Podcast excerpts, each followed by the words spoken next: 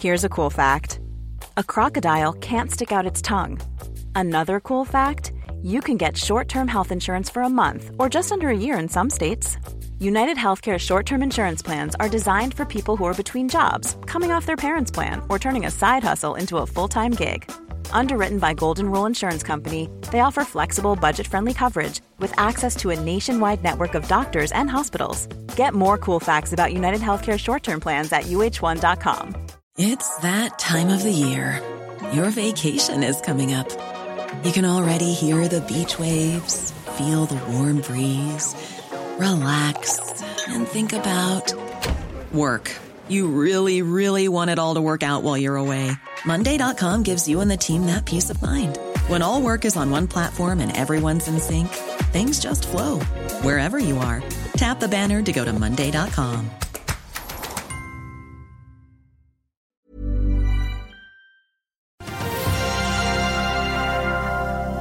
Det er ett år siden invasjonen av Ukraina. SAS er ute med tall og taper fortsatt store penger, men er kanskje litt mer positive for fremtiden. Og Tomra er også ute med sine tall. Det er fredag 24.2. Velkommen til Børsmorgen.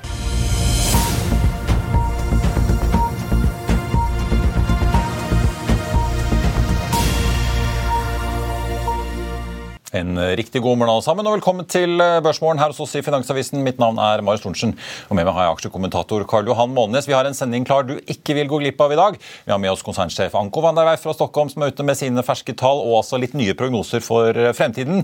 Vi får også med oss DNBs kjente eiendomsanalytiker Simen Mortensen for å ta en fot i bakken på hvordan eiendomssektoren har det nå etter alle renteøkningene. Wall Street i går der fikk vi en oppgang mot eh, slutten. Dow Jones sendte opp 0,34 etter ha to røde dager bak seg. SMP 500 opp litt over en halv prosent og endte igjen over 4000 poeng. Nasdaq endte opp 0,72 og fikk da sin andre, oppdag, andre, dag med oppgang på rad. I Asia har vi sett en nedgang på de fleste børsene i dag, med unntak av Nikkei, som eh, var åpen igjen etter en stengt dag da i eh, går. Hang Seng og Shanghai CSI 300 er begge ned i overkant av 1% da fredag morgen. Her hjemme gikk det jo som en kule i går, opp 1,3 på hovedindeksen på Oslo Børs. I dag er værmelderne i DNB Markets og Nordnett litt uenige om hvor vi skal åpne.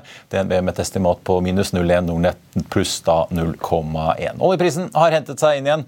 Ligger nå opp eh, da 0,7% til 82,70 i spotmarkedet for et fat nordsjøolje. Og Dermed ser det ut til at vi igjen har uh, truffet på en liten støtte, da, i hvert fall i bunnen, på 80 dollar fatet. Vi var jo nesten nedpå der i går. Den amerikanske lettoljen opp en drøy halv prosent til 76,10. Så får vi også minne om at uh, både Movi og Vår Energi da går eks utbytte i dag. Vi skal kaste oss rett på dagens første gjest, og vi må begynne med fly. Forrige fredag så kom jo Norwegian med tall og sa de hadde solgt over en million billetter på 14 dager i januarsalget, med nesten 25% bedre inntjening enn samme periode året før.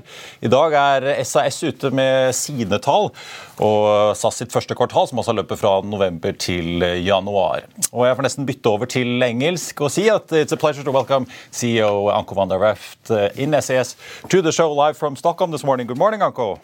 Good morning. How are you? Thank you for having Good. me.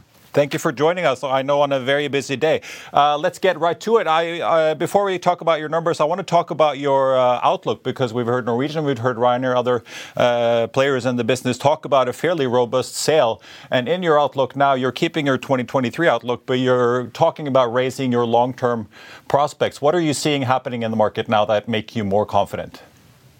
Yeah, what, we're seeing is basically, I think, in line with what everybody's seeing. Healthy demand. When you look at our uh, previous quarter, right, first quarter that we that we announced today, um, right, already 50% more uh, travelers with us than a year ago. So between four and a half and five million over the last quarter. That already is in a way healthy and maybe somewhat healthier than even we expected for the winter season. Then definitely booking levels for spring and summer, yeah, decent, very very healthy. And so, right, as long as that market keeps on coming back, as long as, of course, there is demand, then definitely the future looks uh, looks brighter. So we will assess our long-term forecasts also, but definitely, uh, um, yeah, a, a healthy environment to be in at the moment.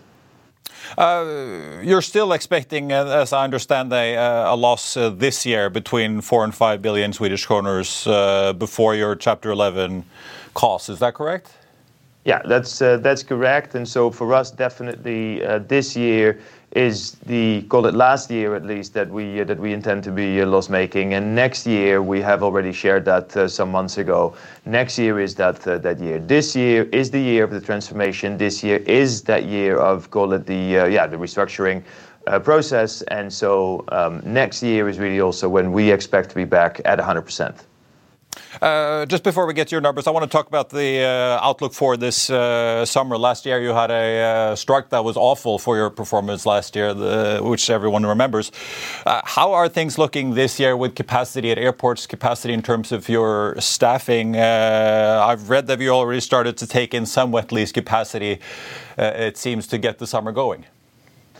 I think I think much better, of course, as a whole, right? As an industry, um, I think much better prepared than uh, than we were uh, than we were last year, right? Collectively. Yet, I, I do see some airports already starting to say, "Hey, um, capacity caps or right uh, movement caps," and that that can, of course, still yeah, throw some spanners in the works, but it's definitely not at the level as it was uh, was last year. So also for us, I think uh, again, um, you will have right. Both Boeing and Airbus are still dealing with uh, with um, delays, right? Delivery delays.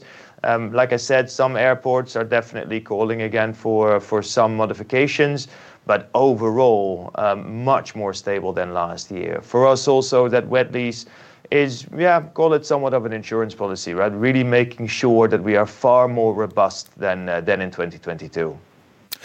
Uh, let's talk about your restructuring, your Chapter 11 that is going on. You initially had a target of, of uh, settling or, or, getting the second part of your Chapter 11 funding, if we can call it that, from Apollo, of, of uh, the second part of the $700 million uh, back in just before Christmas in your first quarter. That's now being pushed back to the second quarter. Uh, you're also talking about that you're, you're engaging with stakeholders to start the equity raise process in SAS, which you've outlined before, of uh, roughly 10 billion Swedish kronor corners.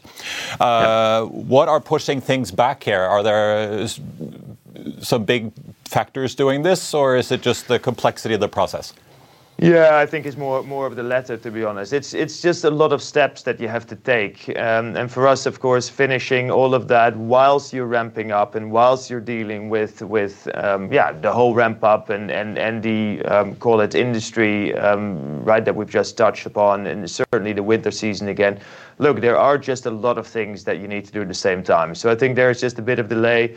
Um, the good news, right, as we have also shared in the report today, cash-wise yeah, we got through the winter much better, and we, we, we definitely are in a better position than that we thought we would be. So for us, uh, the winter season, not only the fact that really people came back and once again 50% more people traveling with us than a year ago, that's positive. The cash position, yeah, healthier than uh, than we thought. But the main news, of course, is that uh, that healthy booking environment, right? The sales environment that we've seen throughout uh, throughout January and February um, yeah, much better. So look, we uh, we um, to come back to your question, in this quarter, we intend to launch all of that. So more clarity, of course, on the second row of the dip, as well as the start of that equity process in uh, in Q2, our Q2 um, this year. Uh, but as an investor, you're obviously asking people now to commit to fresh capital uh, into SAS. And if I look at your numbers through the winter now, uh, compared to Norwegian that had a cash burn in, in the fourth quarter of, of, just over 400 million Norwegian kroner, uh, if we look at the months in SAS based on your reporting, October, November, December, you've had roughly 5 billion Swedish kroners pour out of, of uh, the coffer, so to speak. Uh, why is your cash burn this high during the winter? Uh, a, those numbers are not correct, but B, remember that when we started the previous quarter, we had just drawn on the first draw of the dip, right? So that also was, in that sense, uh, inflated. Um, no, I, I, would actually see the cash level as uh, as as good news, um, right? We have over five billion Swedish kroner in cash, and from the low point again, right in in call it December, January, when there is no sales and everybody's traveling, uh, we've been building again. So right throughout January, February, that cash position is building, and definitely is is stronger and and and higher than expectations a few a few months ago. But you, uh, but but am I mistaken? You ended September with over 10 billion uh, in cash uh, in your previous quarter. Now it's 5.2. No, we ended the previous quarter at around 8, and we are indeed now at 5, but that was also after drawing on the dip, right? So, yeah, in that sense, artificial. When you look at our cash from operations and just the operational activity, and once again, the sales that we're having in January, February, Um, yeah, um, healthy and better than expectations, actually. Uh, last question. Uh, do you have any news on on what your fleet will uh, look like now? It seems like you've returned a couple of your A350 long-haul aircraft. I guess maybe that's because of the uncertainty with the market to over Russia to Asia? Yeah, that's correct. Yeah. Yeah, yeah. So, so the fleet, look, Um, some indeed long-haul aircraft that have been returned. I do think that over the long run, right, 2024, 2025, 2026, uh, we can definitely go back in uh, in in there. But what is clear is that Russian overflying, of course, hurts us. And as we have seen, and it's a bit cruel that today is that first anniversary of the war, um, it will take longer, right? I mean, it's absolutely clear that that's not going to be over in a matter of weeks or months. So yes, we do expect that Asia, in that sense, will take a hit, that will not be back uh, at pre-pandemic levels for us for a long period of time. Uh, and lastly, we've heard your competitor Norwegian now talk about uh, upgrading their reward program and offer a sort of a gold membership. Obviously, people are sort of associating it with uh, SAS. How is competition looking now? You've lost Flyr as a competitor, obviously. They went bankrupt recently. Norwegian is gearing up. But how is this sort of total picture looking when you also look at your European competitors that operate in Scandinavia? Yeah, I think, I think. look, um, a competition good. And of course, right, Norwegian went through that restructuring process, call it two years before we did, and very clearly uh, in a shape that is a, yeah, a good competitor to have in many ways, right? I think we uh, definitely um, have a good competition uh, there. The European competitive field is, I still think, a bit of a mixed bag, um, right? You do see people um, trying to ramp up, right, and wanting to maybe do more than what they can.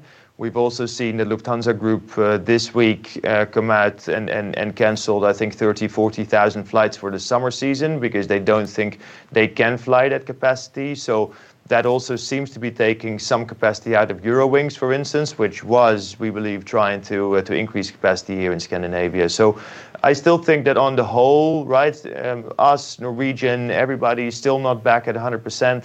Um, and and definitely, right, we need to get um, we need to make sure that we ramp up also as fast as possible. I think that 2024 is really the year that the entire industry is uh, is is back and is far more stable in that sense from a capacity perspective. Anko van CEO in SAS, thank you so much for joining us. And we'll be keeping an eye on news about the uh, equity raise uh, in the quarter. Thank you. Thank you very much. Thanks for having me.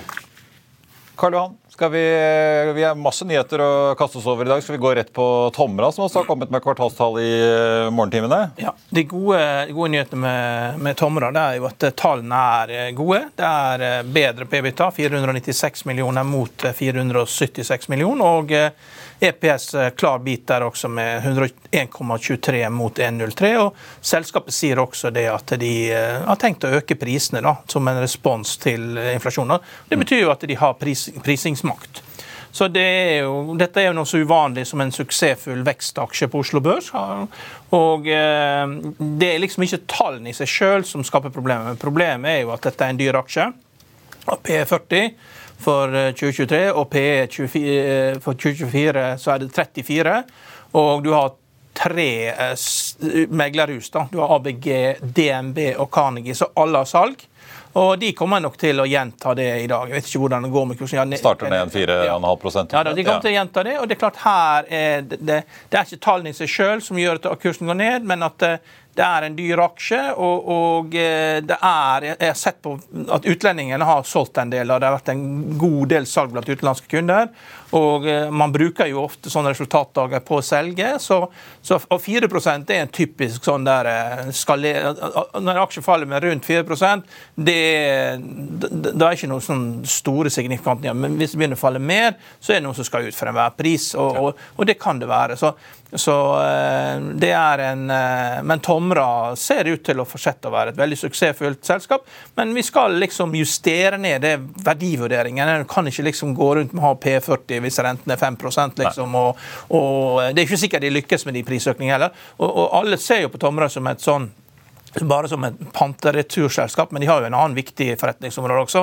Det er det som er lett, lett å huske for en sunnmøring. Ja. MRF, det er Material uh, Recycling Facilities. Ja. Uh, og det er jo da søppelhåndtering. Ja, ja. Så han kom fra Titan Tech. Ja. Og det er hver gang Tomra, de ser på Tomra-kurset, så tror de de sitter ute i Ferd og sier at dette eide vi en gang og skulle aldri ha solgt det. og sånn. Så Tomra er jo et veldig suksessfullt firma, kommer til å gjøre det veldig bra, og, men, men, det er en litt dyr aksje. Og der er tre meglerhus som kommer til minne kundene sine om dette. Nå ser noen litt eh, ja, sånn, Henter seg litt inn? Ja, litt inn igjen. Så det er sånn... Du snakker den opp her. Men uh, det var det jeg skulle si, de og konkurrentene Vipco, som også har notert på Oslo Børs, uh, begge kniver jo nå om å slippe til disse nye markedene i Europa hvor de, hvor de skal etablere panteordninger. Jo, men vi hadde jo en Vipco her, og det var jo veldig fin inndeling på markedene. Der Envipco liksom tar seg av én del av dette, her, de, mens Tomra har en annen del. Ja, så det, er liksom, eh, det er veldig viktig å ha konkurrenter. Eh, for hvis, når du har konkurrenter, hvis du har én sterk konkurrent, det er en veldig fin posisjon å ha. Det, hvis du ikke har konkurrenter, det er det farlig. Det er aldri bra. Ja. Ja, apropos eh, fly, det er som rutene til Stavanger. Det er SAS til alle de forretningsreisene og Norwegian til alle de som skal på helgetur til Stavanger. Alle er fornøyd? Ja. ja. Veldig bra. Et par andre nyheter eh, før vi går inn i reklame og tar inn dagens andre gjest. Seaway 7 har inngått en samarbeidsavtale med italienske Saipem for å by på å gjennomføre havvindprosjekter eh, på bunnfast eh, havvind. Den aksjen er opp 0,6 i dag. Deep Value Driller opp nesten 6% på nyheten om at de har fått seg en treårskontrakt for riggen Deep Value Driller, altså også med Saipem, til en verdi av 160 millioner dollar. Så går det imidlertid da 40 millioner dollar med til å reaktivere riggen. Vi skal få inn Simen Mortensen i DNB og er tilbake rett etter dette.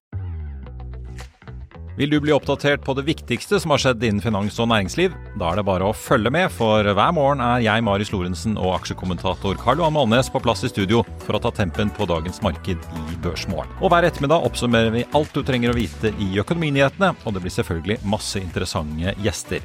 Klikk deg inn på fa.no-tv, eller søk opp Børsmorgen og Økonominyhetene der du hører på podkast.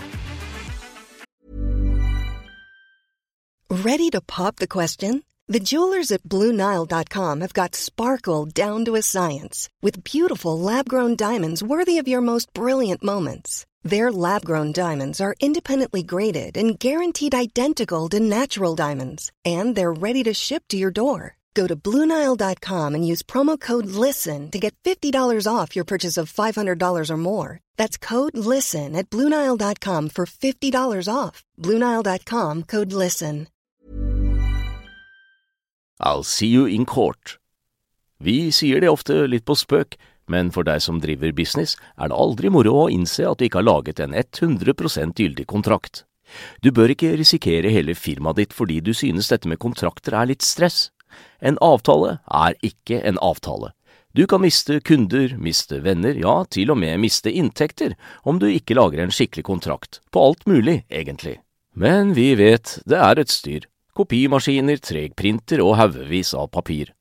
Dessuten stoler vi jo på folk her i landet. Det er ofte litt kleint å skulle be om en signatur for alt mulig, ja, for mye av styret handler også om jakten på underskriften. Det finnes en enkel måte å løse dette på, Dukkobit, en trygg, effektiv og get this, gratis måte å sikre seg en god natts søvn pluss en juridisk bindende avtale. Dukkobit-appen har de strengeste sikkerhetskrav i bunn, samt en EU-godkjent og sertifisert teknologi. Framover vil det bli behagelig å spørre du, skal vi skrive under på det, eller? Kom i gang på dukkobit.no. Da har vi vært så heldige å få tilbake en gjest vi har hatt besøk av før, som følger med på en sektor som har vært i ordentlig røft vær den siste tiden, og for første gang på lenge, får vi si, med stigende renter. Velkommen, Simen Mortensen i DB Market. Jo, tusen takk. Og du dekker også, jeg tenkte Vi skulle begynne vi skal snakke om eiendom, men jeg tenkte vi skulle begynne med NRC Group, dette jernbane- og infrastrukturselskapet som du også dekker. Mm. Eh, som kom med et ordentlig eh, røft varsel her tidligere i eh, februar som senket aksjen ganske mye. Jeg ble litt sånn overrasket, for de snakket om tapene i Sverige, og nå skulle de ta grep. Såpass at konsernsjefen og finansdirektøren gikk inn operativt i det svenske datterselskapet liksom som daglig leder og finansansvarlig. Det er ikke hver dag du ser. Nei, det er ikke hver dag, men det er jo en veldig spesiell historie, denne NRC, hvor de hvis du går tilbake og ser på historikken, kjøpte veldig mange småselskaper og Ja. skulle bygge et konsern veldig fort. Innenfor klart liksom jernbane... Innenfor jernbane. Skinnegående transport. Skinnegående transport, Men Ja. det er jo ikke alt som har vært skinnegående. sånn som De store tapene i Sverige har jo vært på infrastruktur. Ja, ikke på Eh, jernbane- Ikke på jernbane, som men liksom vanlig anleggsdrift. Ja. Og, Nå har det jo vært en kvartalsprestasjon. Jeg jeg så liksom på Q3 i høst, da snakket de om at nei, fokus var profitability, men det var ikke noen sånn åpenbare advarsler om eh, at det er surt i Sverige. Nå har det vært kvartalsprestasjon på nytt. Føler du at dette kommer de til å klare å snu ganske fort? For de tok jo et tap på nesten 400 millioner i regnskapet nå, ja, og mye av det var jo goodwill. som Sverige. ja. Ja, men uh, goodwill, og tar du det reelle tapet, så ligger jo det i anlegg. Mm. Uh, anleggsdriften. Tar vi den ene, det var vel den svenske driftens omsatt for 358-359 millioner. Og den tapte opp mot 50 millioner bare den divisjonen. Så vi snakker nesten 20% negativ drift. Det er jo den de må kutte ut. Det er der de sa vi skal ha en strategisk gjennomgang. Dette skal bort. Ser vi det underliggende, så var det faktisk ganske greit på jernbanedriften. Mm. Eh, Men det er noen virkelig sure epler. og Problemet er at selskapet med sin historikk har jo noen sure epler òg. Så man får jo en litt sånn historikk, så det er ingen som vil se så mye på caset. Så du Nei. har jo en veldig lav prising på Ja, for jeg så den ligger på 13 kroner cirka. Du har jo du har kjøpt på den, men du har jo vært oppe i 40 kroner. Nå er det ligger du på 30 kroner på kursmål. Ja, nei, Det er jo litt sånn give og ta. Det er jo Ja. en aksje du, det- Dette er vel et typisk eksempel på at du ikke skal bare se på anbefalingen og kursmålen når du leser en analyse, men faktisk lese siden. Ja. Her er det Faktisk bli kunde hos deg eller få hele PDF-en. Du, ja. du må lese faktisk analysen og ikke bare kjøpsanbefalingen og kursmålet. fordi dette er jo en aksje som vi skriver har ganske høy risiko. Det er et turnaround case. Eh, Du går ikke inn her for å ta liksom et par prosenter. Dette er tro på restruktureringen og få til de marginene de snakker om, eller ikke. Ja. Så det er litt sånn binært utfall, men du må være kjent med risikoprofilen og hva som ligger til grep.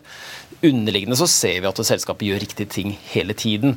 Men eh, målet er jo på mellomsikt her å klare en 5 EBITDA-margin som de har i 2025. Klarer de det, så har du en aksje på, som tjener godt over 3 kroner per aksjen. Og det skal ikke da handle på 13. Så det blir jo litt sånn klarer de det, klarer de det ikke. Ja. Men aksjen vil nok ikke gå noe sted gitt historikken før de faktisk leverer på de marginene. Og det er vel også det som står Eller klarer å selge det, eller, de har jo, eller gjøre et eller annet. Da, for de har jo sagt de vurderer flere ting. Ja, De vurderer å selge den svenske driften, men den tror jeg blir solgt for en symbolsk sum. For den har tapt ganske mye penger. Så det er bare å få ut de sure eplene og så fokusere på det de kan, det de er gode på, og ha et fokusområde med synergier. Så ser vi at underliggende kan ha potensial til å løfte seg. Så er jo spørsmålet får de det til eller ikke. Men gitt historikken så går nok ikke aksjen før, før de leverer. Ja. Eh, Men hvis du har trua da, på Henning Olsen og co. i eh, NRC, hvor, hvor bra går det egentlig da i jernbanedelen, som er ekstremt avhengig av offentlige budsjetter og anbud for å skape aktivitet? De må selvfølgelig vinne anbud òg, Ja, det, ja, ja. Nei, det er jo Men, men er det liksom noe tegn? Du dekker jo en del entreprenørselskaper som også lever godt av mange offentlige anbud, veiprosjekter. og Hvordan ser det ut nå? Vi ser at norske politikere er litt sånn, begynner å snakke om at vi må ikke bruke så mye penger lenger, og sånn, men sånn, hva du faktisk ser i Norge og Sverige det det er en utflatning av markedet. så Ja. Det er ikke den samme veksten vi har hatt de siste ti årene framover. Men eh, politisk sett så ser vi at jernbaneinvesteringer og vedlikehold ikke minst er jo et veldig stort marked. Eh, Vedlikeholdsbehovet i de tre nordiske markedene hvor de opererer, er jo enormt. Og det er jo her mye også kontraktene ligger på at eh, holde jernbanemassen, eller jernbaneskinnene på et opprettholdt nivå. Og egentlig så trenger vi å oppgradere det. Så det ser jo veldig bra ut sånn totalt sett, så det ligger en sånn par prosenter vekst hvert eneste år her i prognosene. Eh, Men selskapet har nok med seg selv de første årene å få orden i egen butikk og ryddighet og få opp marginene, spesielt i Sverige, før du eventuelt tar del av markedets vekst. Ja. Så det blir jo markedsandel. Først kontroll, og så være med i markedsveksten. Da skal vi holde med. Skal vi snakke litt eh, eiendom? Karl Johan er jo glad i å følge med på disse Brightene borte i USA, hvor det stadig må hentes inn penger, og de setter lokk på hvor mye uttak folk kan ta i disse eiendomsfondene. Eh, Men her i Norden da, vi har jo sett eh, en god del ting skje. SBB har jo solgt unna eh, en god del porteføljer på utdanning. Castellum henter jo inn gutta 10 milliarder svenske kroner. Klarer, klarer sektoren å finne investorer som er villige til å sette penger i eiendom nå? Har, har man liksom fått en, en faktisk reprising? Det er jo forskjell mellom gode og dårlige selskaper, Ja, ja. og hvor mye som er hentes. Nå er vi en del av de, eh, det, Vi er en av tilretteleggerne på Castellum som skal ja, hente 10 milliarder svenske, så det er jo begrenset hva jeg kan si akkurat. Ja, ja, om akkurat det Men, selskapet. Men, men eh, jeg kan si, det er jo det er summen som vi hadde predikert selskapet skulle trenge for å bli et veldig godt kapitalisert selskap. Eh, Og Det skrev vi for et halvt år siden, og det er summen. og da vet vi Nå får vi et veldig godt kapitalisert, sik- driftssikkert selskap. Men det er fortsatt kapitalbehov i eh, en del eiendomsselskaper, sånn som vi ser. De får enten valget mellom å selge assets eller hente penger. Ja. Eller begge deler. Eller begge deler. Ja. Eh, ja, for Entra har jo solgt De solgte hva var det for 1, som jeg noterte meg i notatene mine, 1,9 milliarder i kvartalet som gikk. Ca. 2 milliarder, ja. Ja. For du, Da du var her sist, så snakket du om at eh, Entra må, her må det skje ting. Det må, utbytte må kuttes, eller ting må selges. Her må det tas grep. Ja, og de er nok eh, Jeg tror nok de kommer til å måtte selge litt mer assets sånn eh, stykkevis og gradvis. Så, men du så jo Styret vedtok Det er jo driftet av disse svenske eierne som bl.a. skal hente penger. De ønsket definitivt et utbytte videre. Så, men jeg tror nok Entra vi kommer til å se at Entra vil prøve å selge noen assets, selge eiendommer, i markedet i, også i år. Ja. Hvem er det som kjøper, da? Det er alltid noen som vil ha eiendom. Det, right. Spørsmålet er at eiendom vil alltid ha verdi. Eh, Det er bare hvilken verdi du får for de, gitt markedsbetingelsene. Så vi tror nok at det kan bli litt røft for Entra sånn estimatsutviklingsmessig eh, for inneværende år. Hvor skal gilden eller eiendomsverdien oversikt med stigende renter?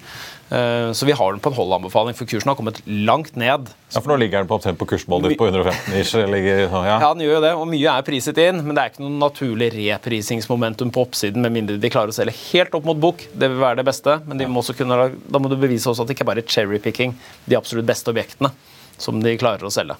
Ja. Men, eh, ja, for hva er det, men må du For å se noe videre oppsiden, må du se at rentetoppen nås? Jeg tror vi skal se rentetoppen nås, og der er der vi ser de absolutt største svingningene i markedet om dagen. Det er jo hvor- hvor går lange renter. Går vi et par uker tilbake, så snakket vi norsk topprente på 3,25. Nå, snakker vi, nå er det prisa inn fire rentehevninger til 3,75, så det er 50 basispunkter ekstra. Og når du snakker om at det Yield i Oslo kanskje ligger på det, liksom rundt fire, og så skal du ha marginpåslag i tillegg, så er det vanskelig å se at med 3,75 mil At det går rundt, ja. At det går rundt, ja. Ja. Det er jo eh, Og ikke bare her. Vi ser jo tiåringen i USA og plutselig har den begynt å krype opp mot fire. og Ja. Nei, det, det er jo interessant. Men jeg, husker jeg leste et intervju med Koteng i Trondheim. Han sa jo det at eh, han, de, de regner ikke så mye på ting. da. De så på, Hvis folk flytter inn i et område, så eh, begynte de å utvikle eiendommer i det området, for da visste de de fikk selge. da, Mens utlendinger de regner på ting. Og de som regner på ting, de vil nå være i en posisjon hvor at de må begynne å selge. da, Så kan vi nå vente at det kommer masse utlendinger som ikke får regnestykken til å gå opp, og skal begynne å selge eiendommer i Norden, i tillegg til alle de eh, rekapitaliseringene vi ser. Eh, Eller er det for tidlig? alle, har alle som sitter med eiendom, har jo vært har jo sånn, De er flinke til å rentesikre. Så de, har, så de har jo tid. Så du får jo ikke kortrenta rett inn over natta. I hvert fall hvis du jobber med næringseiendom. Så at folk har en del tid. Også, Men det er ikke noe tvil om når du leser noen sånne VD-ord heter det i Sverige, sånne fra hva, hva selskapene tror om renter osv., så, videre, så er det jo et selskap som vi følger godt med på, hvor du ser at administrerende sier at renta skal kuttes i Q3, og den skal ned til 1 i 2023. Plan A, B, og C og G for mange er at renta skal ned. og Blir ikke det, så blir det jo tøffere. Da er det mange som får problemer. Ja, for så som jeg lurer på sånn Selvåg eh, bolig som du har på selv, der har vi jo sett altså, eh, voldsom nedgang i inntekter og salg. Ja, du har ikke sett inntektene, du har, sett eller, du har ikke sett rapporterte fortjenester. Nei. Det det går på. Men eh, du ser jo på altså, salget, Salget? Ja. Og, da skal jo, og De rapporterer på ferdigstilte enheter, og nå fikk vi januartall eh, også fra boligprodusentene ned 59% år over år på nyboligigangsettelsen. Fortsetter vi på dette nivået, så, så blir det svakere inntjening i aksjen. Eh, Men altså, dette vet ikke markedet dette, da? At disse bolig, nyboligprisavtalene Er- kommer jo hele tiden. Erfaringsvis er det mange som sitter og ser litt for kortsiktig på den nære, det utbyttet som kommer nå. Ja. Eh, For det er jo kjempehøyt, og de har en kjempegod inntjening. Men det er prosjekter de starta for to, tre og ett år siden. Eh, Nå er det Nøklene leveres i dag. liksom. Nøklene Ja. leveres i dag, nå kommer inntjeningen. De har jo kjempegod profitt. på de. Eh, Men vi tror nok på en fallende inntenning i aksjen. Og historien ser vi da korrelerer normalt med at da begynner aksjene å falle når man ser at inntenningen faller. Ja. Men eh, det er nettopp det som er jobben, å se KPI-ene mot inntenningsproblemet. Ja, ja.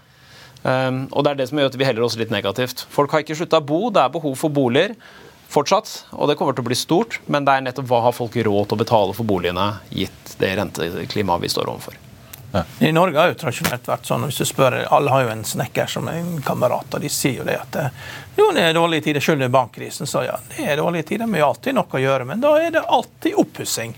Så eh, er det noen eksponering, er det noen selskaper som tjener mer på oppussing enn andre av de børsnoterte, eller er det Det er ikke så Nei. stort i dag, men Nei. det kommer faktisk til å bli det største markedet Ja. uh, innom et par år. Uh, og vi sånn skal grønn oppussing, ikke sant? Det kommer nå. Nå Ja. skal faktisk I mars så skal uh, EU uh, planlegger å vedta nå en ny som heter sånn Energy Performance Act. eh, hvor de skal ta alle disse energiklassifiseringene vi har på bygg. Og den A til G-skalaen skal harmoniseres i hele Europa. Og så begynner vi med forby av energiklasse G. Og så kommer energiklasse F og blir forbudt over de neste ti årene. Ja, for da får ikke bankene gi lån? og- Får ikke Nei. du får ikke lov til å leie ut osv. Uh, skrustikken strammes inn virkelig på eksisterende eiendomsaktører òg. Du får krav til varmepumper og isolasjon, og vi er uker unna før vi ser det endelige utkastet fra EU. Så spørsmålet er jo igjen hvordan ser dette ut i Norge eh, når norske politikere skal tilpasse dette. Men renovasjon blir nok mye viktigere for entreprenørene framover også. Da skal jo skoler til Det er jo veldig skattemessig gunstig, dette. Det er Olav Thon-måten å pusse opp på. ikke sant? Er det Olav Thon igjen som tjener mest på dette her? Er det han Nei, som nå er best- må jo han betale vedlikeholdet her, da. Han må betale for varmepumpa. Han må betale for eh, moderniseringen. Nei, det er nok eh, entreprenørene, tror jeg. Ok. Av de jeg dekker. Og så er det selvfølgelig vindusprodusenter, isolasjonsprodusenter, dørprodusenter som er mulig å drive Så hvilke aksjer drar du fram da? Jeg trekker nok fram typisk sånn som i Sverige. Eh, NCC, som har en stor renovasjonsavdeling. Men det vil også være norske AF-gruppen vil tjene på det her. Veidekke vil tjene på det her. Og vi tror nok de alle de kaster seg over dette de kaster seg over dette. Det er ikke det største de gjør i dag, men det er jo fortsatt du sier, det er snekkeren går fra å bygge nybolig til å renovere. Og det er jo entreprenørene og ingeniørene gjør det samme med bygget. Det må Er regnes. ikke AF-gruppen sånn bootstrapping-aksjer? De er helt avhengige av å drive og kjøpe opp selskaper og ta kassa og putte den inn. og Det er vekstselskap. Det er veldig aggressivt eh, tuna som aksje. Det er litt spesiell aksje, ikke det? Det er litt spesiell aksje. Det, Ja. Jeg har jo den på salg nettopp Ja. fordi jeg ser at uh, dividenden er større enn Epson. Ja. Eh, jeg synes at det er Det går ikke i lengden. det, går, det har jo gått i nesten ti år, Ja. eh, men det er jo litt sånn Antall aksjer øker jo kontinuerlig. Eh, Det er et veldig bra drifta selskap, men eh, det er jo en veldig dyr aksje. Og det er vel det som er min eh, utfordring der. Ja. Det er langt fra, i alfabet fra ATF. Det som alt skal gjøres. Ja. Men kort til slutt på disse entreprenørene. Åpenbart langsiktig så har de jo muligheter her. Og vi trenger jo flere boliger, i hvert fall hvis du ser i et tiårsperspektiv. Men hvis du ser summen av offentlig anbud, boligbygging, eh, næringsbygg eh, Hvordan blir liksom tiden for Veidekke og NCC og Skanska og disse her eh, de neste par årene? Nei, vi har jo, Hvis du ser backloggen, ordrebackloggen, så er jo den ganske stigende og flat hos alle sammen. Mm. men vi må huske på at byggeinflasjonen har vært nesten 15-16% i de nordiske landene, så det er en volumnedgang. Ja. Ja. du blir lurt av pris, ikke sant? Ja, for det blir gjort av pris. så at Man ser jo på nominelle summer, og så ser man ok, men det er noen volumnedgang. Og det er jo boligmarkedet som er jo det tregeste delen her. Vi har ikke ordentlig begynt å få nedgangen der ennå. Eh, Q4 var svakt på nyboligangsettelser i Norge og Sverige. Q1 har starta det. Q3 var sånn halvveis, men det er be beintøft eh, og lavt uh, nyboligsalg nå, så den fortsetter å være svak. Så nominelt så har vi ganske flate omsetningsestimater, men volummessig så er det jo nedgang drevet av dette, før vi eventuelt får en oppgang fra renovasjon. Det klarer vi ikke å se når det kommer, vi bare ser at det kommer. Våkner vel opp i 2027 og får panikk for hva vi må rekke innen 2030, tenker jeg. vi får se. Simen Mortensen i DB Markets, tusen takk for at du kom til oss. Dette skal ikke vi egentlig snakke om, Karl-Ann, men jeg tenkte vi må jo bare promotere de litt. da, De jobber jo såpass mye, disse advokatene her i landet. I hvert fall de ledende advokatene i kåringen eh, i Kapital eh, som man kan få lest i dag, hvis man kaster seg over avisstanden. Så Litt ære må de få. Vi måtte dessverre avlyse kåringsarrangementet pga. litt sykdom og greier, men ja. vi kommer tilbake Ja. med den. Skal vi snakke litt eh, Wall Street, som jeg var inne på. Tiårsrenten i USA nesten 4 Det er ikke så lenge siden vi så 3-4. Nå var den på 3-9 et eller annet her i går. Vi har fått masse kvartalstall. Og du har fulgt med på bl.a. Wayfair. Wayfair ja, det er jo, eh, det er jo en møbelprodusentskrekk. For de selger jo møbler og møbelutstyr og interiør på internett. da. Ja. Nå eh, har også de møtt veggen. da. Eh, 19% færre aktive kunder, eh, rapporterer de. 5 millioner færre aktive kunder. Aksjen ned 23 Og eh, en aksjekurs da på 38 og et tap da liksom på eh, ligger an til å tape 3,9 dollar per aksje. Så det er liksom PE på 10 da, med, med Fortuin Så man ser jo det at her, denne businessmodellen her sliter også, sånn som alt det andre. Det er ikke, det er ikke Konjunkturen rammer også internett og det, handel. Og det, det har vi jo sett også i, i, med Zalando og en del andre. at det, eh, Den tiden da internett vokste uavhengig av konjunkturen, den er forbi. Og også for møbler. da, så og Markedcapen er bare på 4 milliarder dollar, så Wayfair kommer ikke til å spise hele møbelmarkedet. Det er fortsatt. Man skal inn og, man skal inn og, og sitte i sofaen, man skal inn og prøve. og det er klart at Alle vet jo det, når du først har satt deg i en stressless, så vet jo det, det er bare et tidsspørsmål for når du kan kjøpe deg den. ikke sant? Ja. Det, er jo, det er jo som narkotika. Det er jo, det er jo en fantastisk følelse. Bare på Sunnmøre er ikke første stol gratis. Men eh, fra spøk eh, til eh, noe litt hyggelig. For Nvidia endte opp 14 i går. Men eh, apropos P, jeg så P100. Jeg tror det er flere sider om å begynne å gå med skinnjakke. For han, eh, han CEO-en der han er helt ekspert da på å fange den siste trenden i alt mulig. ja, ja. helt utrolig. Nå har det AI, AI, ja, AI på inn- og han utpust, som vi snakket om Robert Ness i går. Han er cutting edge, altså. Når det er en ny trend, så er han alltid på. da, mens eh, og eh, nå, nå, eh, nå- nå driver jo analytikerne og teller da, hvor mange ganger eh, man nevner liksom ordet AI i presentasjonen. da, liksom Der, der er liksom 15 selskaper som har nevnt det mellom 10 og 50 ganger. Det, alt er AI. Det er nye krypto, altså. Er nye altså, altså, men han er flink. altså. Så selv om salget stuper og EPS stuper, så går altså aksjen opp med 15% Da er du god å selge, altså. Eh, og, og, det, og det er ikke noe lite selskap heller. Det er over 500 milliarder dollar i market cap. Det er liksom Tesla-størrelse på det. det er, eh, så, 6 så vi, vi, milliarder dollar i kvartalet som ikke er omsetning. Så vi er fortsatt i et marked som er alt det er altfor mange rare ting som pågår. Så det, er- det, det er lenge før dette, dette her er over. altså Alle er nede i bjørnegrava. Det er mye som skal trykkes ned her. Eh, Det kom, apropos, ja, det kom jo tall fra booking.com i går. Warner Brothers Discovery. eh, De taper jo også penger, men ikke så mye penger som ventet på streaming. da. Halvparten omtrent. 271 millioner dollar ventet et halv milliard i tap. Men eh, disse bilbruktbiltårnene, Carvana, Carvana, som du har fulgt med på, apropos litt sånn kuriøse ting, kom også med tall i går. Det var ganske sure greier, altså. Tap på eh, nest, ja, 761 dollar per aksje. Ventet eh, tap på 228. Ja, nei, det, det mest Der er det bråbrems, altså. mest intelligente jeg hørte, var en bilforhandler som sa du, you can't make money. Sa. han. Hvis du skal i prinsippet frakte én bil eh, eh, på tvers av landet for å selge den fordi en kunde vil ha den, det går ikke. sånn. Og eh, jeg har også hørt at det, de har noen låneforfall i mars, da, så, og, da, og kreditorene har allerede organisert seg slik at de er klare til å ta ned. det. Og skal spare 1 milliard dollar, eh, sier de. Omsetningen falt jo tre- var 3,7 da på fjerde kvartal i fjor. 2,8 milliarder dollar nå. Salget er relativt stabilt i fjor, helt frem til fjerde kvartal. Da var det altså ned nesten 25 ja. samme omsetningen. det er jo interessant. men Real estate er jo interessant. sånn- Det er bråbrems i bilsalg. Det altså. er jo rett ved siden av hovedveien. ikke sant? Og så er det et spørsmål liksom, hva gjør du med et sånt tårn? Eh, det, er jo, det er jo sånn konkurranse da, på Twitter. Så hvis du hadde et sånt tårn, hva ville du brukt det til? Ja, for det er sånn glasstårn med masse biler i. Men- Men det er også svakhet. Jeg tror det var Dollar General, en aksje som alltid har gått opp. for det var ned med mellom 3 og 4 i går, Så det er til og med svakhet eh, i discount. Altså, når det begynner å bli så ille at selv discounters sliter, eh, det er også et tegn da på at eh, det, er liksom, det, det, kommer til et punkt liksom, du går, du går tom for penger. eh, og, og det gjør du mye raskere i USA. USA er mye mer brutal økonomi å, leve i. Altså, det, er, det er gøy med kapitalisme når du har masse penger, men når du ikke har penger, det er er ikke det noe ikke noe gøy. gøy, altså. Nei. Det er et eller annet sureste plassen du kan er være. love, ja. det er hårda bud, altså. Ja.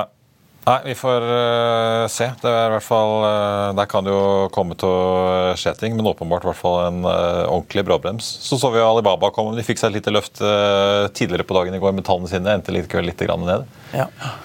Så vi får uh, se. På tampen av sendingen tenkte jeg i hvert fall bare å ta med de aksjene vi har snakket om hvordan det går med dem. da. SAS som også er ute med kvartalsrapporten sin, ned da 2,9% Så får vi jo ta med den store advarselen som selskapet også selv kom med i kvartalsrapporten, at her skal det jo konverteres rundt etter planen, i hvert fall da, 20 milliarder svenske kroner i gjeld. sånn at dagens aksjonærer blir jo omtrent vannet helt ut. Og så sier de da at de jobber da videre med planen som eh, har vært hele veien, da, å hente rundt 10 milliarder eh, nye svenske kroner i frisk kapital i forbindelse med da Chapter 11-prosessen.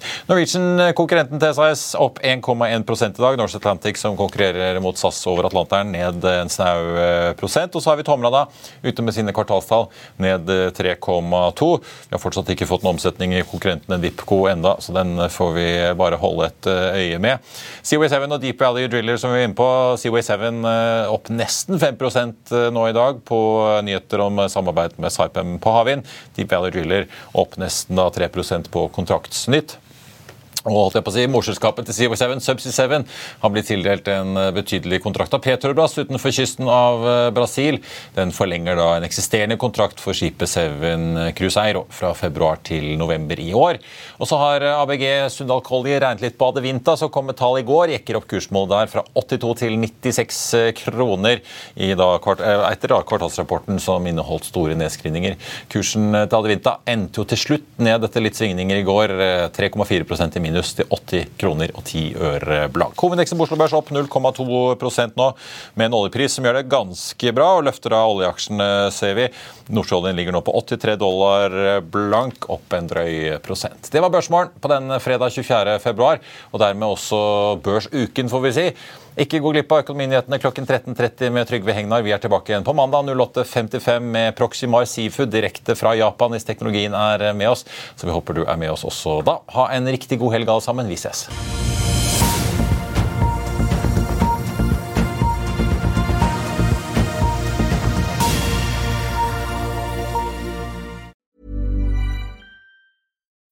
When you need mealtime inspiration, it's worth shopping Kroger, where you'll find over 30,000 mouthwatering choices that excite your inner foodie. And no matter what tasty choice you make, you'll enjoy our everyday low prices, plus extra ways to save, like digital coupons worth over $600 each week. You can also save up to $1 off per gallon at the pump with fuel points. More savings and more inspiring flavors make shopping Kroger worth it every time. Kroger, fresh for everyone. Fuel restrictions apply.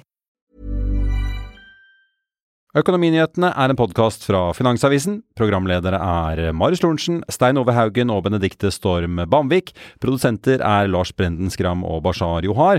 Og ansvarlig redaktør er Trygve Hegnar.